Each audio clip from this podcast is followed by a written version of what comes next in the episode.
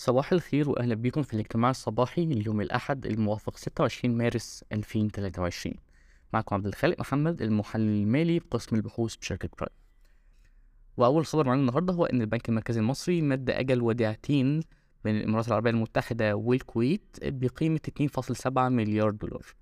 الوديعة الأولى هي قيمتها 2 مليار دولار من دولة الكويت وتم مد أجلها لحد سبتمبر 2023 بينما الوديعة التانية بقيمة 658 مليون دولار من الإمارات العربية المتحدة وتم مد أجلها لأغسطس 2027 آه، هيئة الضرائب المصرية أعفت بعض بعض المواد الخام لبعض الأدوية من ضريبة القيمة المضافة وتم تنفيذ القرار ده آه، في, نص شهر مارس الحالي.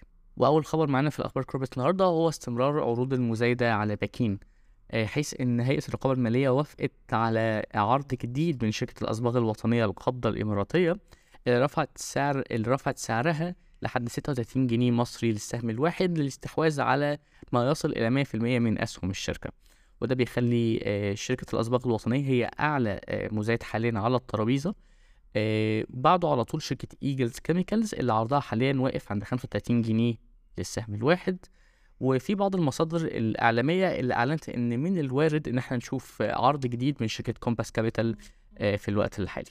شركة سودك أنهت مفاوضاتها مع آه، مع أوراسكوم التطوير للاستحواذ على شركة أوراسكوم العقارية حيث إن شركة سودك كانت بتحاول تستحوذ على 100% من أسهم شركة أوراسكوم Real Estate أو أوراسكوم العقارية بسعر 2.5 مليار جنيه مصري وللعلم إن شركة أوراسكوم Real Estate أو أوراسكوم العقارية تملك مشروع O West غرب القاهرة.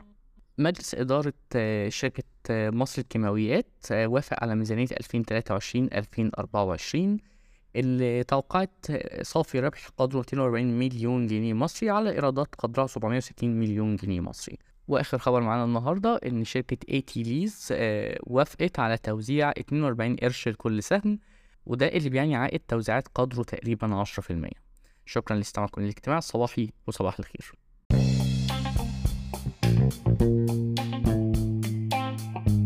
يرجى العلم أن هذا العرض هو لأغراض معرفية فقط، ولا يمكن اعتباره عرض أو توصية شراء أو بيع أو إدارة استثمارات أو خدمات استشارية. ينصح باستشارة مستشارك المالي قبل اتخاذ أي قرار استثماري، علماً بأن الأداء التاريخي ليس مؤشراً يعتمد عليه لتحديد الأداء في المستقبل.